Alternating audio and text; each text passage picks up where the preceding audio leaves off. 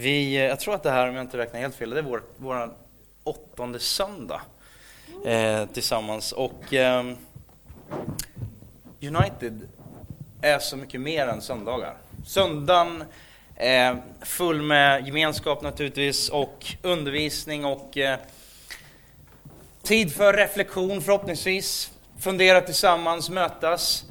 Men det är två, två och en halv timme kanske i veckan. För, för oss så är det så mycket mer. Kyrka är så mycket mer. Eh, Hebreerbrevet, eller vi kan ta Romarbrevet. Paulus säger i Romarbrevet i kapitel 12 att, att det är våra kroppar som är vår andliga gudstjänst. Det är ganska så här, mm, lite högtravat, kanske inte mina vanliga vardagsord. Men grejen är så här att kyrka, det är våra liv. Det vi gör tillsammans. Jag, min, min tolkning på, på Paulus ord där i brevbrevet, det är egentligen att nej men, kyrka var aldrig menat att vara plattformen där vi ska leva våra liv. Däremot är våra liv tillsammans, det bildar ju plattformen för kyrka. Så där helst vi lever och är, umgås, och förhoppningsvis så är våra liv, handlar våra liv, inte bara om att göra en massa saker, utan att vara de vi är tillsammans. Och visst blir livet rikare när man är fler. Fy vad tråkigt Och bara köra sitt eget race. Och vad glad jag blev i fredags kväll. Först blev jag lite orolig. När det 22.36 ringer på telefonen och så står det, jag tror det var Johans nummer, Johan Bokander. Så då, tänk, då tänker jag så här, pastor, går in i den rollen och tänker så här, shit, nu har det hänt någonting allvarligt. Vad dum jag var som tänkte så. För de vill ju bara ringa och prata lite sådär, som 25 minuter i 11 på fredagskvällen. Men det gör ingenting, därför att vi är ju vakna. Och tack för att ni ringde. Bara, hej, vi vill bara prata lite grann. Alltså, blir inte livet lite bättre när man delar det med andra?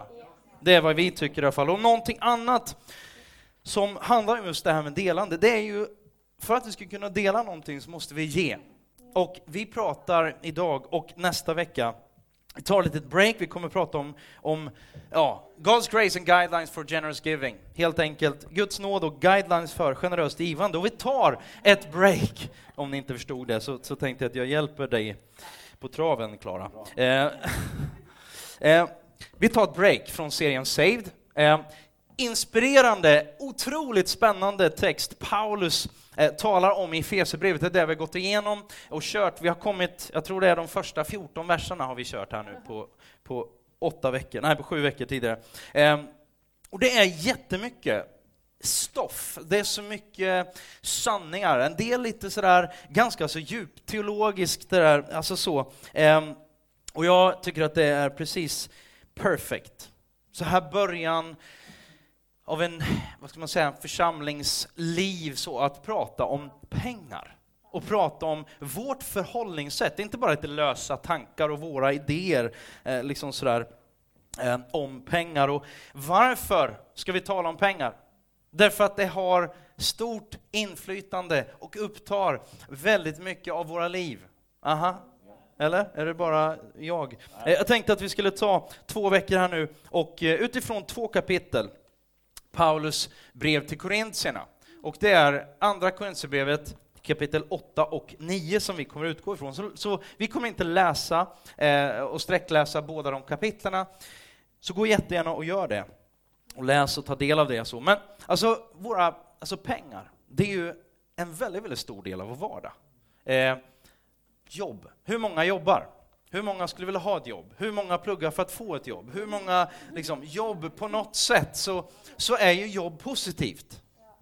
Det är inte jobbigt att jobba, eller kanske ibland. Men, men vi jobbar ju för att få pengar och så har vi hela den där karusellen så att får vi det fel, har vi fel motivation och har vi liksom fel ingång i det så blir det helt fel.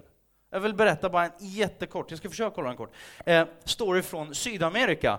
En kille, en ung, liksom, vibrant guy från USA, kom ner till Mexiko, tror jag det var, träffade en fiskare, en gammal man som satt där med sin eka. Han var så lycklig den här gamla mannen, för han hade kommit in med nog med fisk för att sälja på marknaden så att han klarade sig någon dag till. Och då, då ställer han ju den här mannen då frågan, men liksom, va, va, du, du, du, är så enkelt, du är för enkelt. Var, varför fångar du bara så lite fisk? Ja, men jag behöver inte mer fisk, säger han. Jaha, ja men tänk, du skulle kunna samla, eller kunna, eh, se till att du fångar mycket mer, jobba lite hårdare, vara ute lite längre, ut, och, åka ut lite tidigare. Ja, men varför ska jag göra det? Jo, men då kan du få mycket mer. Och varför ska jag ha mer, säger den här gamla mannen. Jo, men då kan du ju anställa ett par liksom, fiskare till, så kan ni få ännu mer. Så varför ska jag göra det?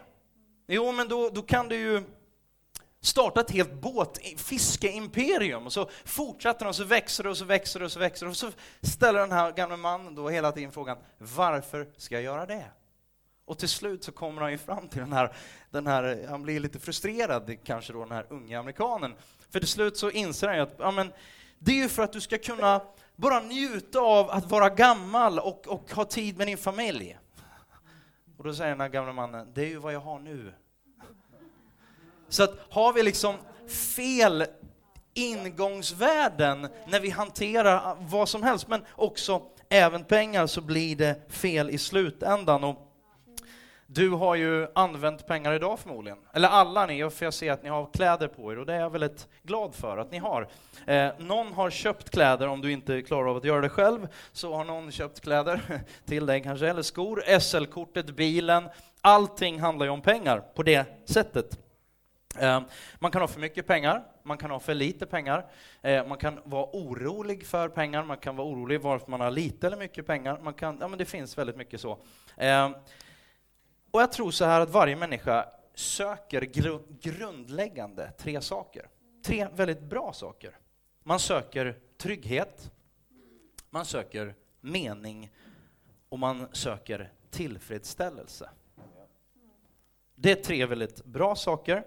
Har vi de här tre, då tror jag att vi känner oss grundläggande ganska trygga, ganska lugna. Eh, problemet är bara när vi söker de här sakerna på fel ställe.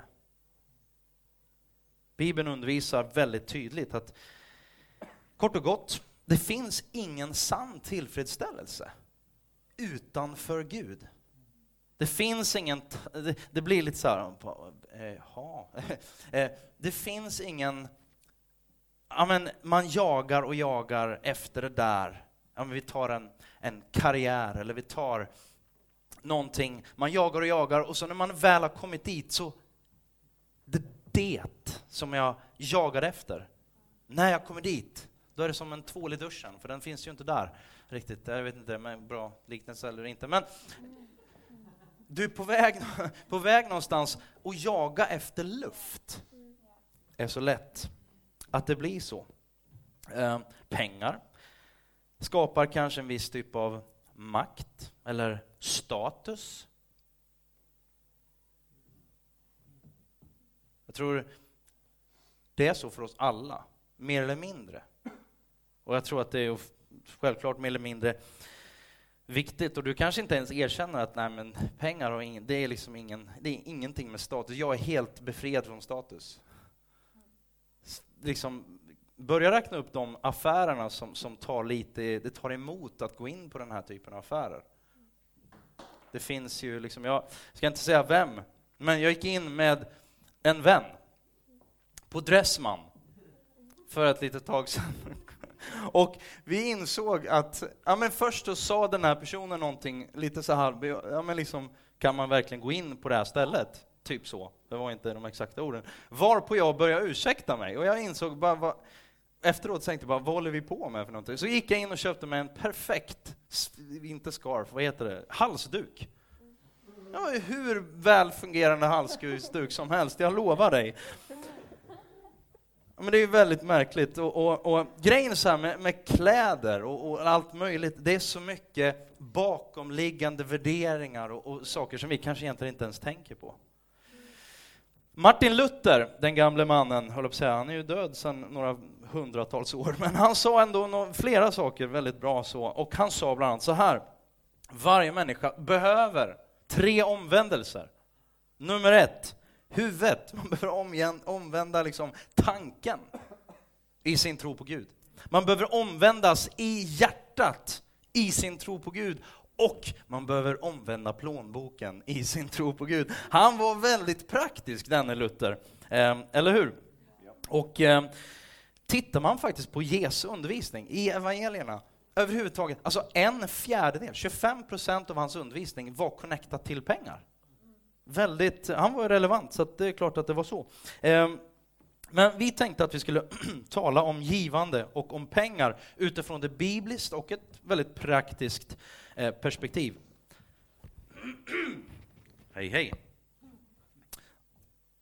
Och förhoppningsvis att vi ska bli lite skarpare i hur vi hanterar och i vårt förhållningssätt till pengar och ekonomi. Och därför går vi till Andra Korinthierbrevet kapitel 8. Och där tar Paulus upp en insamling som han inte tar upp bara i Korinthierbrevet, utan den kommer igen i flera brev, men en väldigt stor insamling till församlingen i Jerusalem. Jerusalem vid den tiden, det var ockupation, det var elände, det var fattigdom och församlingen där gick igenom en, en, en stor kris. Och under ganska lång tid så for Paulus runt och samlade in pengar, bland annat, från de andra eh, kyrkorna och församlingarna runt om i, i, i världen där då. Och eh, här så har vi kommit till, till en av de bitarna. Jag vill bara säga två saker om pengar som vi Ja, men vi, vi, jag hoppas att vi inte ska vara oroliga bara för att vi pratar om pengar i kyrkan och i, i, liksom i församlingen. För det, det är viktigt, jag tror att vi har kommit fram till det. Men det kan vara lite känsligt, en del börjar skruva på sig lite sådär, men, men det ska vi försöka att, att undvika. Eh, vi vill köra med öppna kort. Vi vill köra med transparens, och vi kommer återkomma till det.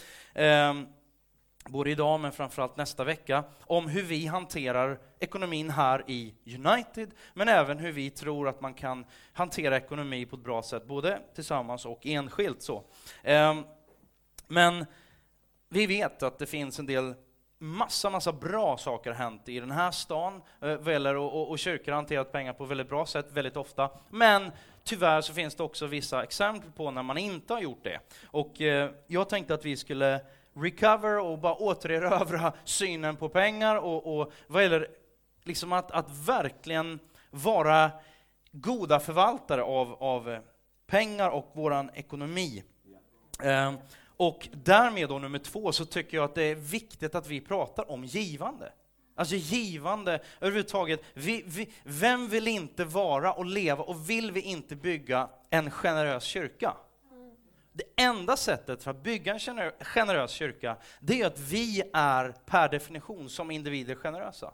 Att det inte bara, nej men de borde vara, eller kyrkan borde vara. Men vad är kyrkan om vi just har sagt att det är våra liv? Det är ju vi tillsammans som bildar kyrka. Andra Korinthierbrevet 8, vi ska läsa vers 1-5 till att börja med. Vi vill tala om för er bröder vilken nåd Gud gett församlingarna i Makedonien. Kom ihåg det där, att han har sagt vilken nåd. Fastän de varit hårt prövade har deras översvallande glädje, deras djupa fattigdom gjort dem överflödande rika på uppriktig hängivenhet. De har gett efter sin förmåga, ja, över sin förmåga och helt frivilligt. Det kan jag intyga. Mycket enträget bad de oss om nåden att få delta i hjälpen åt de heliga. Och de gav inte bara det vi hade hoppats, utan sig själva gav de. Först och främst åt Herren och sen åt oss, efter Guds vilja. Punkt nummer ett. Gud är en givare, inte en tagare. Vilken nåd Gud har gett. Alltså, grunden i nytestamentlig kristen tro handlar om att Gud ger. Gud gav först. Gud älskade oss först, därför kan vi älska. Gud ger, vi får. Han ger främst. Eh, och faktiskt utan att be om någon, alltså kravlöst, förutsättningslöst, utan att be om någon eller kräva någonting tillbaka. Ni kanske har hört om, om matundret som står i tre evangelier, men till exempel i Matteus 14, där, där det står att Gud, eller Jesus då, han, han är med sina lärjungar där och han undervisar och så blir det sent och, och folk är hungriga naturligtvis då. Och, och lärjungarna säger, men nu måste vi skicka iväg allt folket här. Och då säger Jesus det märkliga, nej skicka inte iväg dem, lös ni problemet, se till att de får mat. Och de bara, jaha, det finns liksom storleksordning kanske 15 000 pers där. Och de är 12 pers, så här, bara okej, okay, hur ska vi lösa det här nu? Och så sen bara, vad finns det här? Och så är det Andreas där, en av lärjungarna, som hittar en liten kille där med fem bröd och två fiskar. Och går upp till Jesus och bara, det här, det här har vi. Bara, bra Andreas, det räcker ju väldigt långt. Och så tar Jesus de här fem bröden och två fiskarna, och så tackar han Gud. Alltså, då är så här, okej, okay, vänta nu Jesus, du missar det här. Du fick de här av den här lille pojken, vars mamma och pappa har fixat det här, det är lite, lite extra krubb åt honom, lite lunch. Och nu snor du den här lilla killen, alltså det är, det är, det är värre än, än, än att sno godis från en litet barn. Han snodde matlådan. Och så, tar han, och så tackar han Gud. Han säger inte ens tack till den lille pojken. Märkligt beteende. Men det som hände sen är att alla får mat och alla är jätteglada och den här killen fick mat så det räckte och blev över. Han tackar Gud. Psalm 24, vers 1. Jorden och allt som uppfyller den tillhör Herren, världen och de som bor i den. Alltså det är ganska kaxigt. Det är ganska mycket, typ allt, tillhör Gud. Därför var det rätt av Jesus att säga tack Gud. Tack för det här. Därför det kommer till syvende och sist, om vi håller på och, och bara, nej men det var jag som jobbade här, det var, det, det var jag som gjorde det, okej. Okay.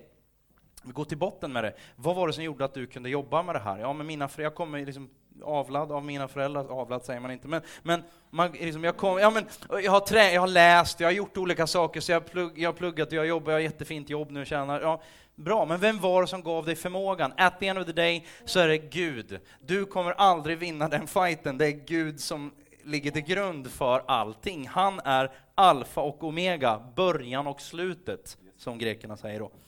Um, det är läge att tacka Gud.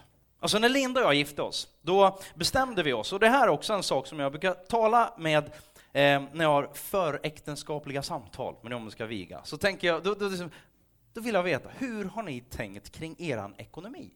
För det är viktigt. Prata om det innan. Så här, ja. Ska ni ha delad, gemensam ekonomi? Hur ska ni dela på det? Vad ska vara ditt? Vad ska vara mitt? Och så allt mitt blir ditt. Och alla de här sakerna och för oss, så vi bestämde oss för att vi ska ha en gemensam, eh, som gemensam ekonomi. Så. Eh, har jag då inga egna pengar? Ja och nej. Om jag har egna pengar, då har jag kommit överens med Linda om att jag ska få just de här pengarna. Så vi sagt, ja, men ungefär så här mycket ska vi ha i fickpeng. Och, eh, köper vi någonting som överstiger ett visst, eh, liksom, viss summa, då ska vi rackarns höra av oss till den andra. Och det är så vi har lagt upp det. Eh, och det är faktiskt så att jag vill dela allt med Linda. Det innebär att jag delar tid, pengar, jag delar allting. Jag kan inte bara göra vad jag vill. Och då kommer jag återkomma till det här då, men då är vi där, precis där, där vi brukar säga, om du vill så måste du. Om du inte vill, så måste du inte. Men om du vill gifta dig, då måste du. Aha, sen måste man inte ha det exakt så, men grejen är att hur vi ser på Gud kommer att vara avgörande för vilka beslut vi tar. Ehm, och det börjar nog med, inte bara nog, utan definitivt med att vi förstår och tar emot nåden de hade tagit emot nåden. Um, fastän de var hårt prövade hade deras översvällande glädje, eh, nej förlåt, vilken nåd har eh, Gud gett församlingen i Makedonien? Alltså, Gud har gett nåd. De hade fattat det. De hade fattat att Gud hade gett dem nåd, alltså någonting man inte förtjänar, men har fått ändå. Utifrån det här så kom det någon slags, han säger översvallande glädje. Märkligt. Och jag, tittade, jag tänkte lite grann bara på eh, skillnaden mellan tacksamhet och girighet. Kan vi inte vara giriga allihop ibland? Alltså, för mig, jag har nämnt det vid något tidigare, det är två saker här i livet som, som jag, jag, jag liksom behöver bearbeta. Det är eh, vad gäller, ja, det är många fler, men, men, men just vad gäller livsmedel. Ja, livsmedel, glass är inte ett livsmedel, det, det är liksom något... men i alla fall, jag älskar glass. Glass och chokladbollar. Där är jag enormt girig. Har jag köpt, fast det handlar inte bara om det, jag, jag har liksom ursäkter för mig själv också, för det, för det är ju så här att om jag köper min glass och så säger Linda, ska du, eller jag frågar Linda, ska du ha en glass? Och då säger hon nej, jag ska tänka på figuren. Och så vill hon ändå ha halva min glass. Det är liksom inte, det är inte schysst alls. Det, jag vill ju ha min glass, då säger jag, alltså för det är inte pengarna, det är bara köp en glass, köp tre, men ta inte min. Jag vet, men jag behöver bearbeta det här. Jag erkänner det är liksom bara, okej. Okay. Så greed är ett big problem. Men här har vi då några olika saker. Tacksamhet. Vem vill vara tacksam istället för girig? Ja, men det är bra, det är en del av er i alla fall. Egentligen, om vi tar i förhållande till Gud, förtjänar jag att betala skulden för min synd själv. Men Jesus betalade priset och gav mig sin rättfärdighet. Eller? Jag är ju en god person. Jag förtjänar ju egentligen himlen. Plus att jag vill ha det bekvämt. Jag vill ha en bekväm tillvaro tills jag kommer dit. Jag har alltid det jag behöver. Jag tror att Gud kommer ge mig, inte kanske det jag vill ha alltid, men det jag behöver. Girighet, jag vill alltid ha mer. Kyrkan, jag tjänar kyrkan som en del av Guds familj.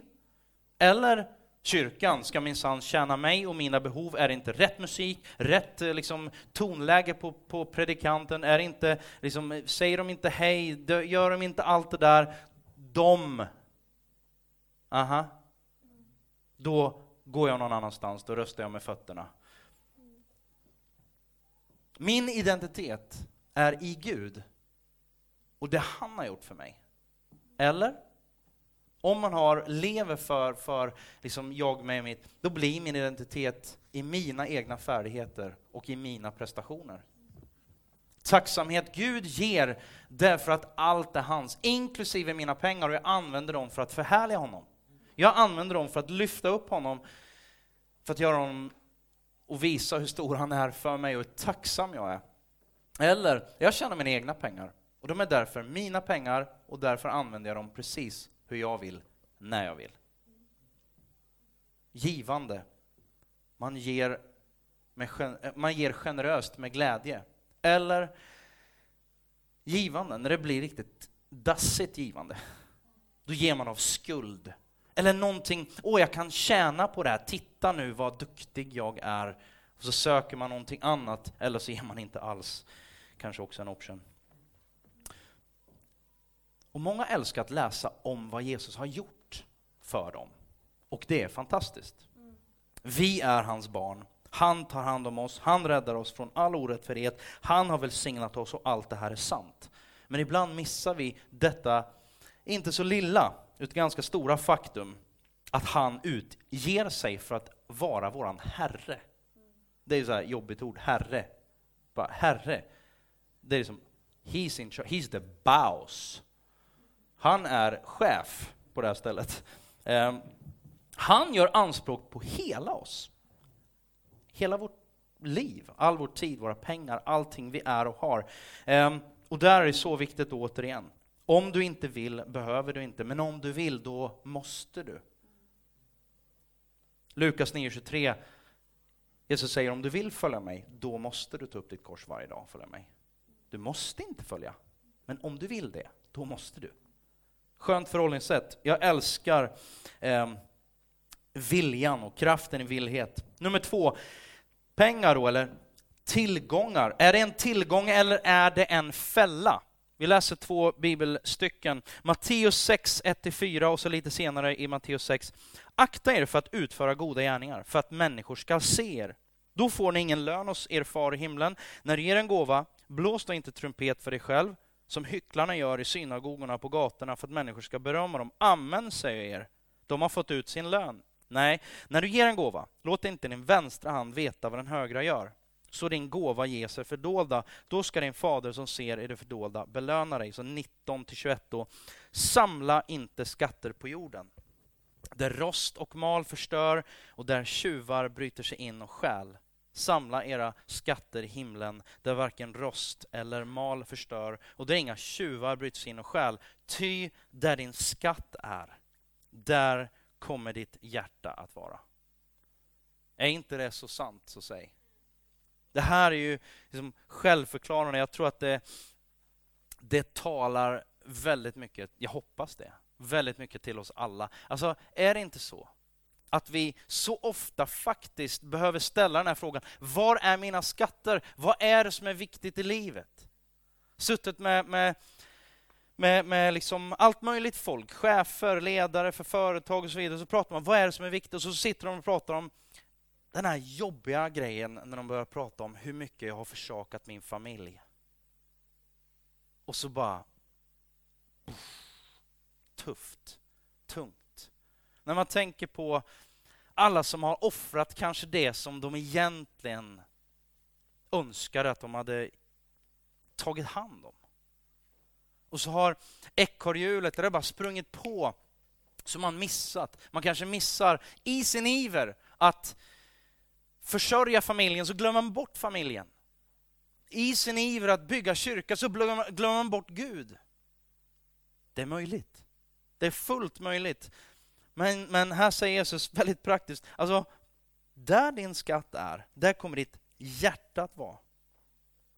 Om du säger så här, ja, jag prioriterar den och den personen, jag prioriterar min familj, jag prioriterar, okej, okay. eller jag, jag, jag, prioriterar mina föräldrar, eller jag, jag, vad det nu är för någonting eller en vän.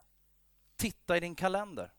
Titta i din plånbok eller följ kontoutdragen. Finns det några spår? Finns det någonting som visar på i din kalender att du faktiskt värderar den personen? Att du faktiskt värderar den och den relationen? Eller är det bara någonting som vi tror att vi gör och egentligen i praktiken inte gör? Var finns dina pengar? Var finns din tid? Om din tid är bara på jobbet. Eller mest på jobbet. Och sen kanske du är så trött så du sitter framför tvn, så egentligen är din tid mellan jobbet och tvn eller jobbet och datorn. Då är frågan, var är ditt hjärta? Har du tid för dem du älskar? Har du tid för liksom, att göra och bygga det livet som du har tänkt? Eller springer det bara förbi? När blir det en fälla eller som Bibeln säger, en avgud. Guds, det första av Guds tio bud. Du skall inte ha andra gudar vid sidan av mig. En fälla eller en avgud. Vad är en fälla? Vad är en avgud? Saker vi, vi, vi söker som, som ska ge oss, de här tre sakerna egentligen, trygghet, mening och tillfredsställelse. Det, det, är liksom, alltså saker som vi söker. Det här ska ge mig bekräftelse, det här ska ge mig det som du älskar, lita på eller förlita dig på, lägger din trygghet i. Det du lyder och tjänar mer än Gud. Det, det är så lätt att säga, ja just det, och precis. Och, men vad innebär det här i verkligheten? Vad är det som kommer först? Det vi behöver för att leva, vara lyckliga och känna oss tillfredsställda. Jag behöver pengar, jag behöver, jag behöver tjäna, jag behöver känna att jag har en viss position i livet, i samhället, på jobbet, i karriären eller vad det är för någonting. För då känner jag mig så här. Om jag inte har det, tar du bort det från mig, då känner jag mig inte lika mycket värd. Det riskerar att bli, inte en välsignelse, utan en förbannelse, en fälla istället för en tillgång det som tar, kort och gott, det som tar Guds plats. Är ni med? I förhållande till pengar, bara några grejer, så här, några förhållningssätt, några ganska horribla förhållningssätt som jag tror att både på olika sätt avfärdar dem inte bara för att jag överdriver lite grann. Är ni med? Come on somebody. Okej, okay. nummer ett, shopaholic.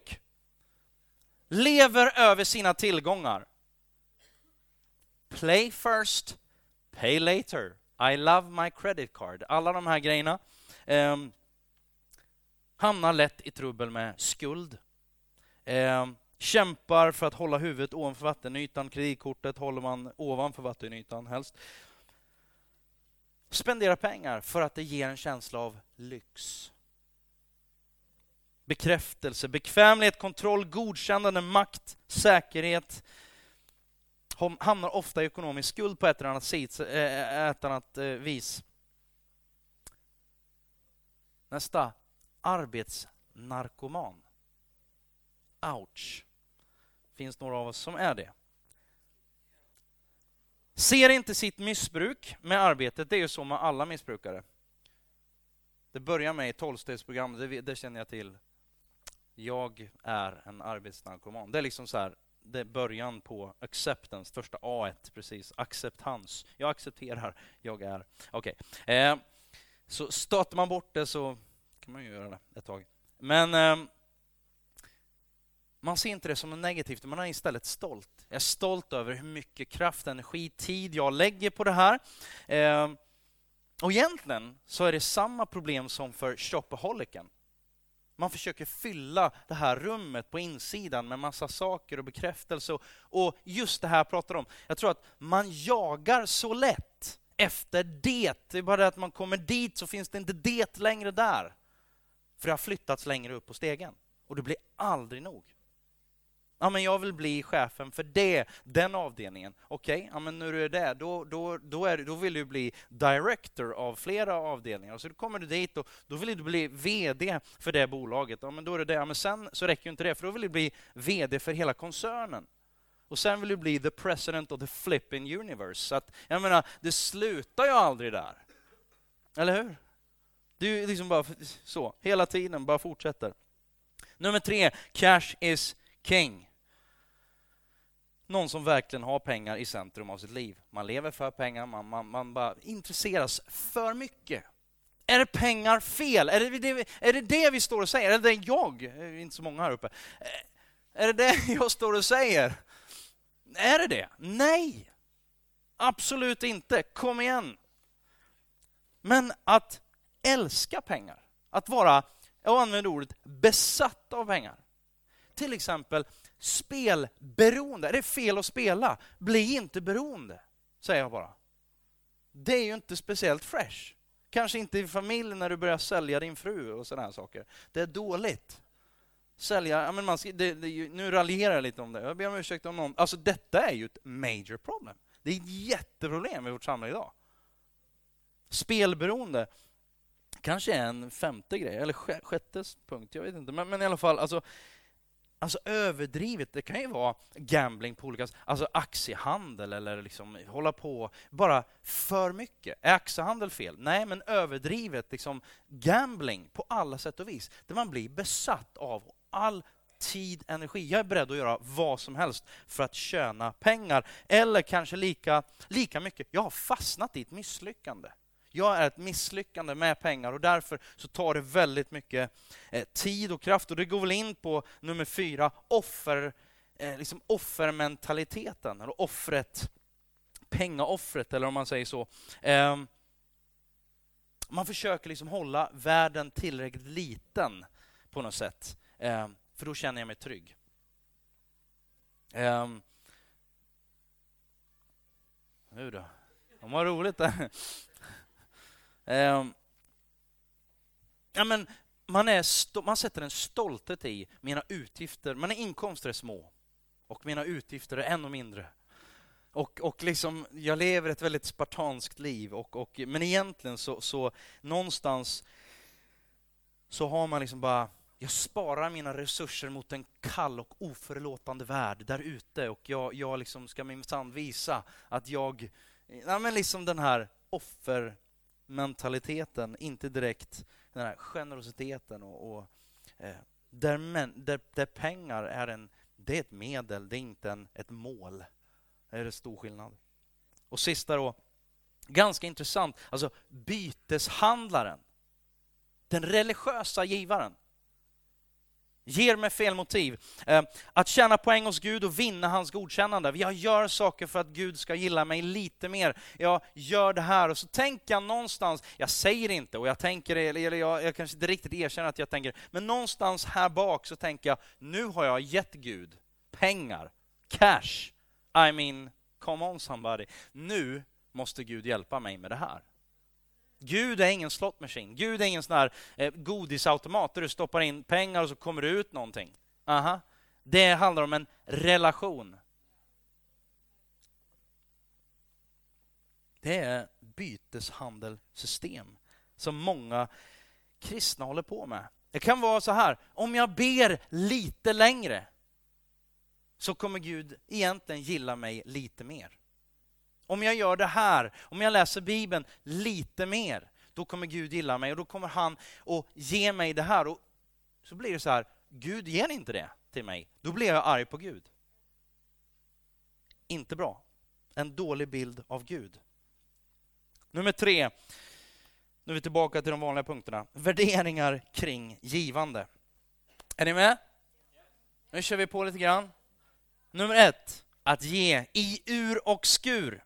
Vi är tillbaka i andra Korinthierbrevet då, står så här, fastän de var hårt prövade och deras, eh, har deras översvallande glädje och deras djupa fattigdom gjort dem överflödande rika på uppriktig hängivenhet. Församlingen i Korint, de hade det gott ställt. Jämförelsevis Stockholm, Nairobi. Aha, liksom, vi snackar eh, ja, men Korint då jämfört med makedonierna. Det var verkligen Makedonia, det var verkligen illa. De var fattiga, de hade, de hade ingenting. Men de ville ändå vara med. Det var så intressant att läsa. Alltså det är nästan så att de, de ber, kan vi inte få vara med? Vi vill ge mer. Vad, vad, vad, kan vi göra för att vara med och ge mer? Jo, vad kan vi göra? Vi ger, oss, vi ger inte bara pengar, vi ger oss själva. Det är det som Paulus säger. Eh, Så oavsett om det är bra eller svåra tider, det är lätt att komma in i det här. Ja, när jag har det lite bättre, när jag tjänar lite mer, då ska jag vara med er. Skip it. Jag kan säga så här att vi satt och pratade om det i veckan. Det är så lätt att tänka så. Innan du tjänar lite mer. Och så bara, vad finns det för, vad finns det för grundvärderingar? Och jag skulle vilja säga, jag kommer till det sen, men jag skulle vilja säga så här, Ge av fri vilja och allt det där, men bestäm dig för vad du vill. Vi kommer dit. B. Fri vilja efter vår förmåga med glädje, vill jag säga det. Eh, när, de gjort, när mina barn, eller eh, höll på att säga Linda, hon går inte på dagis, men, men när våra barn gör någonting på dagis eh, så blir det ju faktiskt så. De kommer ju, Caleb kom här nu precis innan, här, här kom från Kids och bara, jag har målat det, pappa, här, det här har jag gjort till dig. Jag vill att du sätter upp det på kylskåpet. Vi har eh, lite grejer på kylskåpet. Det ser ut som en, jag vet inte vad där, men, men vi liksom bygger på där. Vi får inte plats i köket till slut. Men, men vad gör han? Han ger det av glädje för att han har gjort det och så väntar han med spänning på respons. Eller hur? Om jag bara, jag har inte tid, ja, men då, då, blir han, då blir han stött, eh, för att uttrycka det milt. Ehm, och jag tänker så här, jag hoppas, jag hoppas faktiskt, och låt oss bestämma oss för tillsammans att, att givande i United, det är aldrig något så här, det blir inte så här, åh nu blir det mörkt, nu, nu, nu, nu blir det lite jobbigt, och, och nu blir det, utan låt det vara någonting som är glädjefyllt. Vi kommer, alltså vi, vi, kommer aldrig hålla på och försöka och, och vrida om din arm så att du gör någonting du egentligen inte vill. We hate that. Vi gillar inte det. Vi gillar inte den typen av, av kommunikation över de här, de här sju ehm, söndagarna så har vi, vi har inte pratat speciellt mycket om pengar. Kanske borde vi prata mer om pengar eftersom 25 procent av Jesu undervisning handlar om pengar. Nej, men skämt åsido. Grejen är så här att eh, vad, vad, vad är det vi kommunicerar? Det är ju inte riktigt det i alla fall. Men det är ändå viktigt att vi ger av fri vilja vår förmåga med glädje förhoppningsvis. Um, med glädje. Um, jag tänker så här, vad är det som kan göra att en människa helt plötsligt börjar ge av glädje? Tänk dig en 14-årig kille i åttan på högstadiet. Han har mycket finnar. Han luktar aber. Har inte klippt sig. Har, har inte liksom duschat. Han har bara suttit och spelat VOV på sin liksom, dator där hemma och bryr sig inte om någonting. När man frågar någonting så, så får man inga, man får inga ord. Man får bara det är någon slags neandertal eh, ni behöver inte tänka på någon speciell, men, men, men ni kanske känner någon så. Han kör helt sitt eget race. Det kvittar vem som säger åt honom. Helt plötsligt, helt plötsligt så händer någonting. Han kommer ner i, i, liksom i köket där, eller vart, vart man nu möter honom. Han har klippt sig. Han har skaffat ett jobb. Nej, inte riktigt, men han har klippt sig. Han luktar inte avlopp. Han luktar fräscht någon billig parfym förmodligen, men, men ändå liksom jämförelse, jämförelsevis så är han där. Och vad har hänt? Ja, men han har ju gått och blivit kär. Det är ju klart som korvspad. Vad är det som har hänt? Man kan stå utifrån och titta bara, alltså från ena dagen till den andra, till synes liksom Det är ingenting som har hänt. Jag kan inte se någon förändring. Vi har inte ställt några andra krav. Det är ingen som har sagt någonting. Vad är det som händer? Men han vet. Han vet. För han vaknade upp den morgonen, jag ska inte säga hur, men han var väldigt glad. Come on somebody. I alla fall, han är 14 år. Kom igen nu. Han, är glad. I alla fall, han var väldigt glad och... Eh, Precis. Det förändrar ju vem som helst, inifrån och ut. ja. Det är det som händer med Guds nåd. Eller hur? förändras inifrån och ut. Ja, men det är en respons. Man kan ju säga någon som möter Gud, någon, där något händer. Så bara, ja men, det är ju ingenting yttre, ingenting yttre har ju hänt. Det är ingen skillnad egentligen. Nej, förutom att jag har mött Guds nåd. Den här som bara, jag får allt det här, jag inser hur stort det är och då blir allt det där andra ganska litet i jämförelse. Och helt plötsligt så bara, jag vill ge. Det jag tidigare inte ville ge. Vi kan ta Sackeus i Lukas 19 till exempel. Det här enorma, vi ska inte läsa det, men, men läs det om ni vill någon gång. På grund av tid så bara drar jag på här nu, för att nu går det snabbt, helt enkelt. Eh, Sackeus sitter uppe i träd, jättekort, stort trä, han ser inte Jesus, men han klättrar upp i, i, trädet för där kan han se Jesus och han tänker, honom vill man ju se. Och så kommer Jesus förbi trädet och säger, Sackeus, låt oss festa hemma hos dig. Han går ner och så händer det något, vi vet inte exakt tidsperspektivet där, men det man ser i alla fall det är att Sackeus säger, alltså tidigare snodde pengar, jag, jag stal, jag höll på att liksom dribbla och, och jag tog det som inte var mitt. Jag vill ge tillbaka. Vad är det som händer? Han mötte Kristus. Det hände något på hans, inte bara festen, det var säkert en awesome fest, men någonting hände på insidan. Han gav respons. Och för makedonierna så säger, då står det så här, alltså nåden gjorde att de gav över sin förmåga.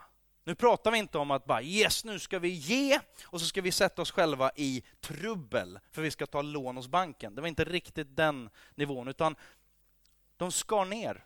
Kanske på, ja, de åt vatten och bröd, nu åt de bara is. Nej, jag vet inte. Men, men ehm, de, de, de gav utöver det som de egentligen hade tänkt, eller över sin förmåga.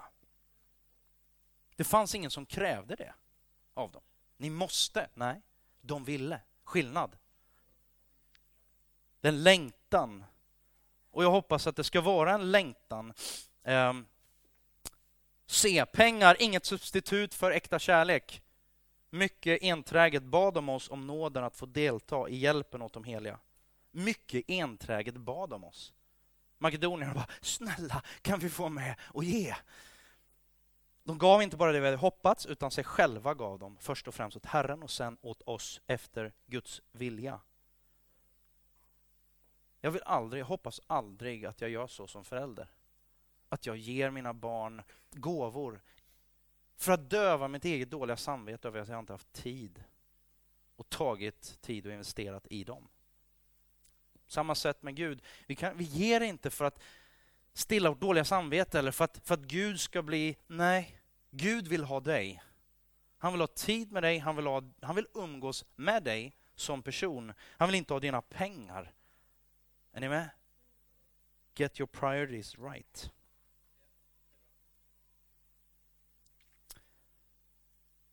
Kärlek uttrycks genom uppoffrande. Tydligt så, upp, så offrade makedonierna. Orkar vi tre minuter till? Jag ska försöka på tre minuter. Är ni med? Come on somebody, det här är så bra. Alltså grejen är så här, villkorslöst givande. Vi har ju sumpat det genom att ta in tomten överallt. Finns det några snälla barn här?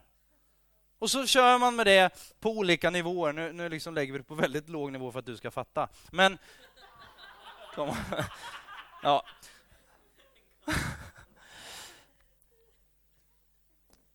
Det är okej. Okay. Alltså det är ju så lätt att säga så till barnen. Och till kanske till dig och mig också. Alltså, om du bara gör det där så får du det här. Belöningssystem hela tiden. Vi bygger in det från början, eh, liksom solid så, rakt in i märgen. Men nåden är ju oförtjänad. Och det här genom att, att alltså, uppoffra. Man pratar om kärleksspråken. Ett av kärleksspråken det är så här, det är verkligen att uppoffra sig, att, att göra gärningar eller liksom, jag gör saker för dig för att visa hur mycket jag älskar dig. Det talar, tilltalar olika personer på olika sätt, lite sådär. Men hur skulle, vi, hur skulle det vara om vi plockar bort det? Jag gör ingenting för dig.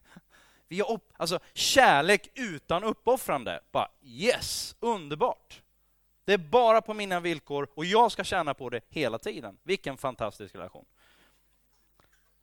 Men grejen är bara, kom, inte ihåg, det går, kom ihåg, kom ihåg, kom inte ihåg, kom ihåg, det går inte att muta Gud. Alltså vi är inte generösa för att vi ska få, utan vi är generösa därför att vi vill vara generösa, punkt. Näst sista punkten, ge regelbundet. Eh, vi kan gå vidare eh, och läs vidare vers 10 och 11 där i Andra Korintierbrevet kapitel 8. Men han går egentligen bara om, alltså han säger så här, jag ger mitt råd i den här saken därför att det är bäst för er. Ni som redan i fjol var först både med att påbörja arbetet och besluta om det. Fullfölj nu arbetet så att ni som var villiga att besluta om det också genomför det efter de tillgångar ni har. Vi vill i United Stockholm ha en sund och planerad ekonomi. Någon har betalat för den stolen som du sitter på idag. Är du här och bara gäst, be blessed. Är du del och känner så här, jag vill vara med i United, var då med och ge regelbundet också in i United kommer ta det mycket mer, och Viktor kommer ta det mycket mer nästa vecka också. Så. Men då blir ju en fråga, kanske en av de första frågorna, hur mycket ska jag ge? Ja, egentligen så är det på ett sätt och fel fråga, men ändå, om du, eftersom du ställer den kan vi ändå ta den. Come on. Eh, tre kriterier för hur mycket jag ska ge. Hur mycket ska jag ge? Hur mycket vill jag ge? Ja, det börjar med det. Först och främst, vad kan du ge med glädje? Vad är glädje? Alltså, vad kan du ge med glädje? Nummer två, ge uppoffrande. Låt det kosta på, låt det kännas lite grann. Och nummer tre då, ge regelbundet. Det blir fel liksom att tänka, ja, men hur lite kan jag ge? Ja, egentligen, med lite eller mycket, det är helt upp till dig. Gamla testamentet pratar om tionde och summerar man allt det där då i Gamla testamentet man tittar på, för det var ett tionde över ett år och det var olika tionden på olika bitar, så låg de snarare på någonstans 20 25 procent totalt över året. Men i Nya testamentet så vi lever inte riktigt på det sättet, det är inte alls på det sättet. Ehm, men någonstans så bara, vad, vad kan jag ge? Det är väl en, en ganska, kanske en utmanande, men väl en ganska bra liksom mål eller startpunkt. Det är ju inte liksom taket. Men någonstans bara, ja, ja men åtminstone så tänker jag så här, jag vill utmana mig själv. Jag skulle vilja öka mitt givande. Jag vill bli mer och mer generös.